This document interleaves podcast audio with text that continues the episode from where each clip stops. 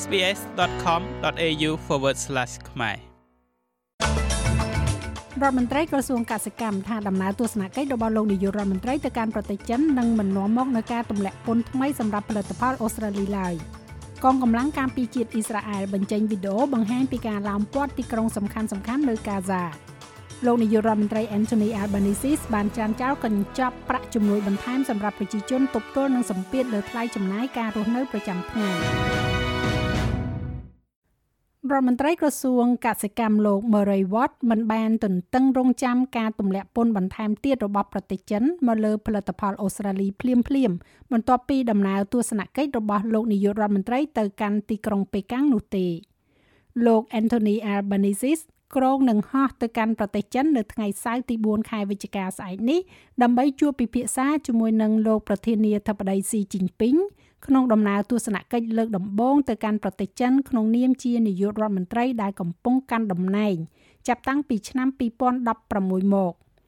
គណៈពេលដែលប្រទេសចិនថ្មីថ្មីនេះបានយល់ព្រមពិនិត្យឡើងវិញនៅពន្ធរបស់ខ្លួនលើផលិតផលស្រាអូស្ត្រាលីបន្ទាប់ពីការលុបចោលចំនួនពាណិជ្ជកម្មនោះ សមាជិកព្រឹទ្ធសភាលោកវត្តបាននិយាយថាលោកមិនរំពឹងថាការដាក់ទណ្ឌកម្មផ្សេងទៀតមកលើផលិតផលដូចជាអាហារសមុទ្រឬក៏សាច់គោនឹងត្រូវបានដកចេញភ្លាមៗបន្ទាប់ពីកិច្ចពិភាក្សាទ្វេភាគីនោះទេថ្លែងទៅកាន់ Sky News លោកវត្តបាននិយាយថារដ្ឋាភិបាលសហព័ន្ធនឹងបន្តធ្វើការដើម្បីទទួលបាននូវការទម្លាក់ចោលពន្ធដែលនៅសេសសល់ When we came to power um there were about 20 billion dollars worth នៅពេលដែលយើងឡើងកាន់អំណាចមានការរាំងស្ទះពាណិជ្ជកម្មតម្លៃប្រហែលជា20,000លានដុល្លារមកលើផលិតផលអូស្ត្រាលីឥឡូវនេះយើងអាចលុបបំបាត់បាន18មុខហើយជាការប៉ុណ្ណាផលិតផលស្រាគឺល្អហើយដែលនឹងមានរាប់ពាន់លានដុល្លារទៀតយើងនឹងរក្សាការខិតខំប្រឹងប្រែងយ៉ាងខ្លាំងក្លាជាបន្តទៀតដើម្បីកម្ចាត់ឧបសគ្គពាណិជ្ជកម្មដែលនៅសេសសល់ទាំងនោះ។ ខ្ញុំគិតថាការដែលនាយករដ្ឋមន្ត្រីធ្វើទស្សនកិច្ចនៅប្រទេសចិននិងមានជំនួបទល់មុខគ្នាជាមួយប្រធានាធិបតីចិននេះគឺជាជោគជ័យដ៏ធំមួយជាមួយគ្នានេះកងកម្លាំងការពារជាតិរបស់អ៊ីស្រាអែល IDF បានចេញផ្សាយនូវវីដេអូជាច្រើននៃសកម្មភាពប្រយុទ្ធនៅតំបន់ Gaza Strip ខណៈដែលកងទ័ពត្រៀមចូលទៅក្នុងទីក្រុងដ៏សំខាន់នេះ។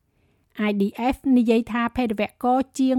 130នាក់ត្រូវបានគេកំណត់គោលដៅនៅក្នុងរយៈពេលប្រមាណម៉ោងថ្មីៗនេះហើយកងទ័ពបានវាយប្រហារហេដ្ឋារចនាសម្ព័ន្ធរបស់ពួកគេ និងបំផ្លាញអាវុធមួយចំនួនធំអ្នកនាំពាក្យយោធាអ៊ីស្រាអែលលោក Daniel Hagari និយាយថា កងទ័ពបានឡោមព័ទ្ធទីក្រុងកាហ្សាហើយ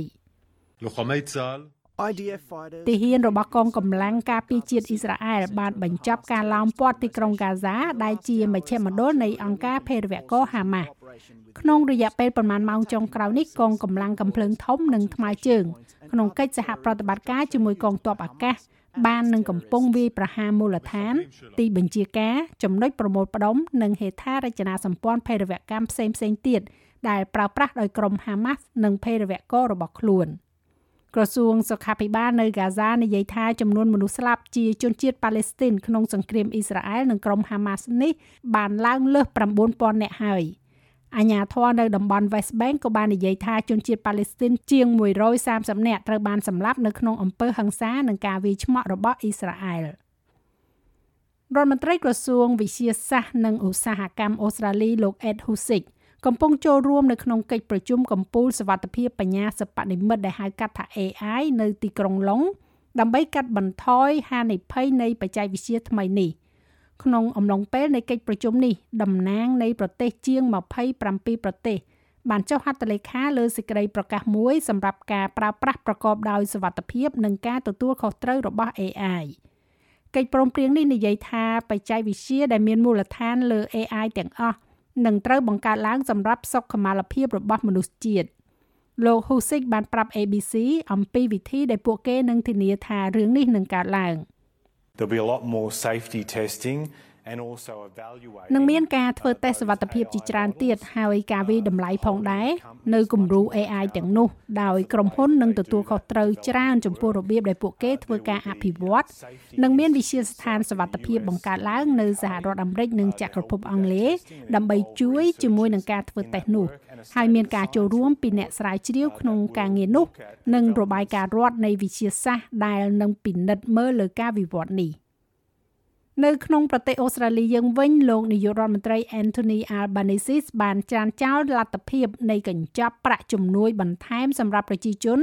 ដែលកំពុងតែតស៊ូទប់ទល់ទៅនឹងសម្ពាធលើថ្លៃចំណាយនៃការរស់នៅប្រចាំថ្ងៃវាកាលឡើងមុនការប្រកាសអត្រាការប្រាក់នៅសប្តាហ៍ក្រោយដោយធនាគារកណ្ដាលនៃប្រទេសអូស្ត្រាលីហៅកាត់ថា ABA ដោយអ្នកសេដ្ឋកិច្ចមួយចំនួនព្យាករណ៍ពីការដំឡើងអត្រាការប្រាក់បន្ថែមទៀត។ លោកនាយករដ្ឋមន្ត្រីនិយាយថាការផ្ដល់ឲ្យនៅប្រាក់ជំនួយបន្ថែមអាចបង្កើនអតិផរណារដ្ឋមន្ត្រីក្រសួងអប់រំលោក Jason Clare បានប្រាប់ស្ថានីយទូរទស្សន៍ប៉ុស្តិ៍លេខ7ថារដ្ឋាភិបាលសហព័ន្ធកំពុងប្រឹងប្រែងអស់ពីសមត្ថភាពដើម្បីជួយប្រជាជនអូស្ត្រាលីដែលកំពុងតែជួបការលំបាក We did more last month by a big យើងបានធ្វើជាច្រើនហើយកាលពីខែមុនដោយការដំឡើងដ៏ធំមួយដែលជាការកើនឡើងដ៏ធំបំផុតនៃប្រាក់ជំនួយលើការជួលសម្រាប់ជនជាតិអូស្ត្រាលីដែលជួបបញ្ហានៅក្នុងការបង់ថ្លៃឈ្នួលរបស់ពួកគេ ក្នុងរយៈពេល30ឆ្នាំនេះមួយខែមុននោះយើងបានកាត់បន្ថយថ្លៃថ្នាំមួយចំនួនចំនួន50%មួយខែមុនទៀតបានកាត់បន្ថយថ្លៃឆាលខែបាន13%ដូច្នេះគឺវាជារឿងល្អទាំងអស់ ហើយអតិផរណាកំពុងធ្លាក់ចុះប្រាក់ឈ្នួលកំពុងកើនឡើងប៉ុន្តែនេះមិនមែនជាកន្លែងដែលបានកំណត់ឲ្យបំភ្លេចចោលនោះទេយើងតែងតែធ្វើការងារនៅទីនេះដើម្បីធ្វើឲ្យប្រកាសថាយើងអាចជួយប្រជាជនអូស្ត្រាលីទៅលើការចំណាយនៅការរស់នៅរដ្ឋាភិបាលអូស្ត្រាលីនឹងមិនត្រូវបានបង្ខំឲ្យធ្វើមាតុភូមិនិវត្តស្ត្រី11នាក់និងកុមារ20នាក់ ពីជំរំឃុំឃាំងនៅភូមិខាងជើងប្រទេសសេរីទេ បន្ទាប់ពីការសម្រេចចិត្តរបស់ចៅក្រមតុលាការសហព័ន្ធពួកគេត្រូវបានគ្រប់គ្រងដោយរដ្ឋបាលស្វយ័តនៃភៀកអេសានស៊ីរីនិងកងកម្លាំងការពាររបស់ស៊ីរីគឺកងកម្លាំងប្រជាធិបតេយ្យស៊ីរីអង្គការ Save the Children បានចាប់ផ្ដើមធ្វើការប្តឹងតស៊ូតាមផ្លូវច្បាប់សម្រាប់ការវិលត្រឡប់មកវិញរបស់ពួកគេ ដោយសង្ឃឹមថាការធ្វើមាតុភូមិនិវត្តពីមុនរបស់ស្ត្រីនិងកុមារនឹងត្រូវបានពឹងផ្អែកទៅលើតុលាការដើម្បីបង្ខំរដ្ឋាភិបាលសហព័ន្ធរដ្ឋាភិបាលលោក Morrison បានធ្វើមាតុភូមិនិវត្តមួយក្រុមនៅឆ្នាំ2019ហើយស្ត្រី4នាក់និងកុមារ13នាក់ត្រូវបានប្រគល់មកវិញដោយរដ្ឋាភិបាលលោក Albanese ក្នុងខែតុលាឆ្នាំ2022នៅក្នុងសវនាការមួយកាលពីខែកញ្ញាអង្គការ Save the Children បានប្រកាសថា រដ្ឋាភិបាលសហព័ន្ធមានអំណាចនឹងការគ្រប់គ្រងគ្រប់គ្រាន់ដើម្បីឲ្យស្ត្រីទាំងនោះត្រូវបានដោះលែងពីការឃុំឃាំងហើយកំពុងស្វែងរកដីកាដើម្បីឲ្យពួកគេត្រឡប់មកប្រទេសអូស្ត្រាលីវិញក្រុមហ៊ុនលក់រាយប្រេងឥន្ធនៈដ៏ធំបំផុតមួយរបស់អូស្ត្រាលីគឺក្រុមហ៊ុន BP កំពុងតែផ្លាស់ប្តូរស្ថានីយ៍បម្រើសេវាកម្មប្រេងឥន្ធនៈរបស់ខ្លួនសម្រាប់រថយន្តអគ្គិសនីដោយដំឡើងចំណុចសាកភ្លើងរថយន្តជាង100កន្លែង។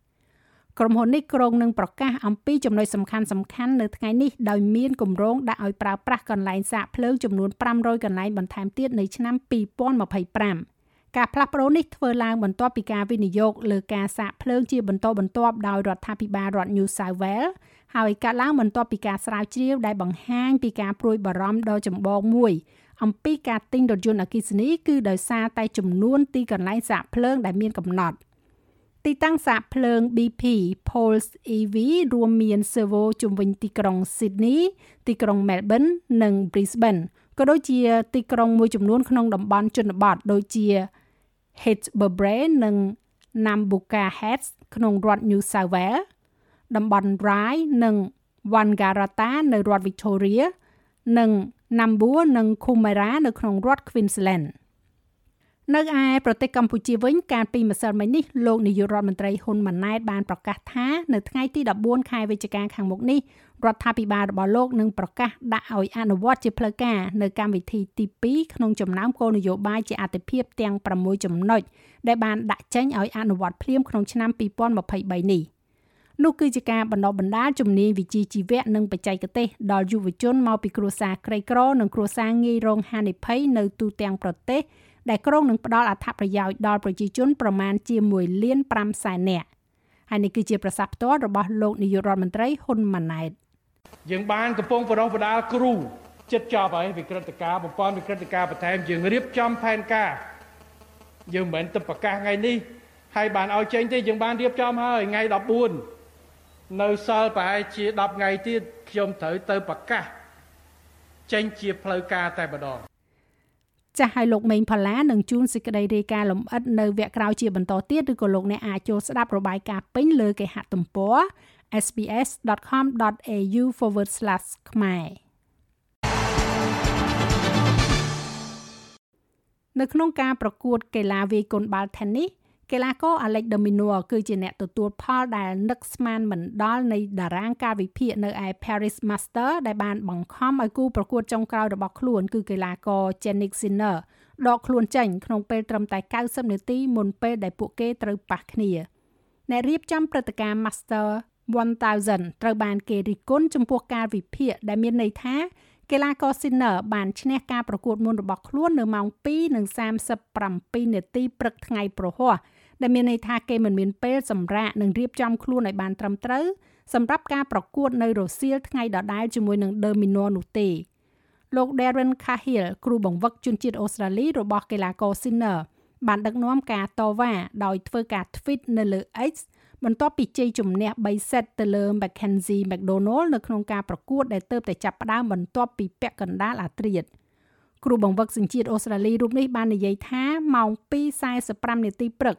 រីករាយសម្រាប់ការឈ្នះរបស់ Janik ប៉ុន្តែគ្មានការយកចិត្តទុកដាក់ចំពោះសុខុមាលភាពរបស់កីឡាករសោះឡើយជាមួយនឹងការវិភាគនៅទីក្រុងប៉ារីសនេះ។ The Minor នឹងត្រូវជួបជាមួយនឹងកីឡាករលេខ5 Andre Roble នៅថ្ងៃសៅរ៍វេលាម៉ោង6:50នាទីព្រឹកសម្រាប់វគ្គ1/4ផ្ដាច់ព្រាត់ចំណែកឯអត្រាប្តូរប្រាក់វិញ1ដុល្លារអូស្ត្រាលីមានតម្លៃប្រមាណជាជាង64សេនដុល្លារអាមេរិកត្រូវនឹង2650រៀលប្រាក់រៀលខ្មែរ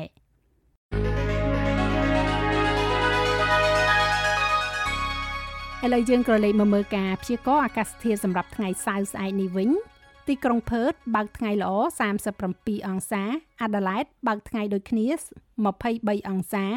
មែលប៊នមានពពកដោយពេល18អង្សាអាចនឹងមានរលឹមនៅហូបាត15អង្សារលឹមបន្តិចបន្តួចនៅ Canberra 20អង្សា Sydney រលឹមដែរ23អង្សារលឹមបន្តិចបន្តួចនៅ Brisbane 27អង្សា Cairns មានពពកដោយពេល32អង្សា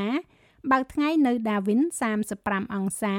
និងមានផ្គររន្ទះរាយប៉ាយនៅទីក្រុងភ្នំពេញ33អង្សា thank you